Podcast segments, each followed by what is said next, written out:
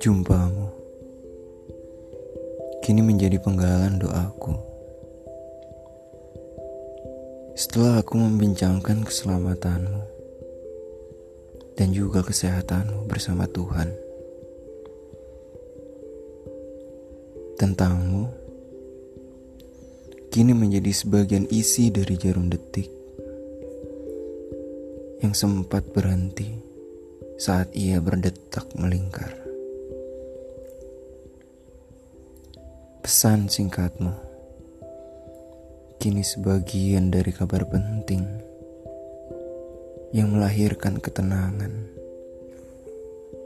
dalam sebuah tungguku.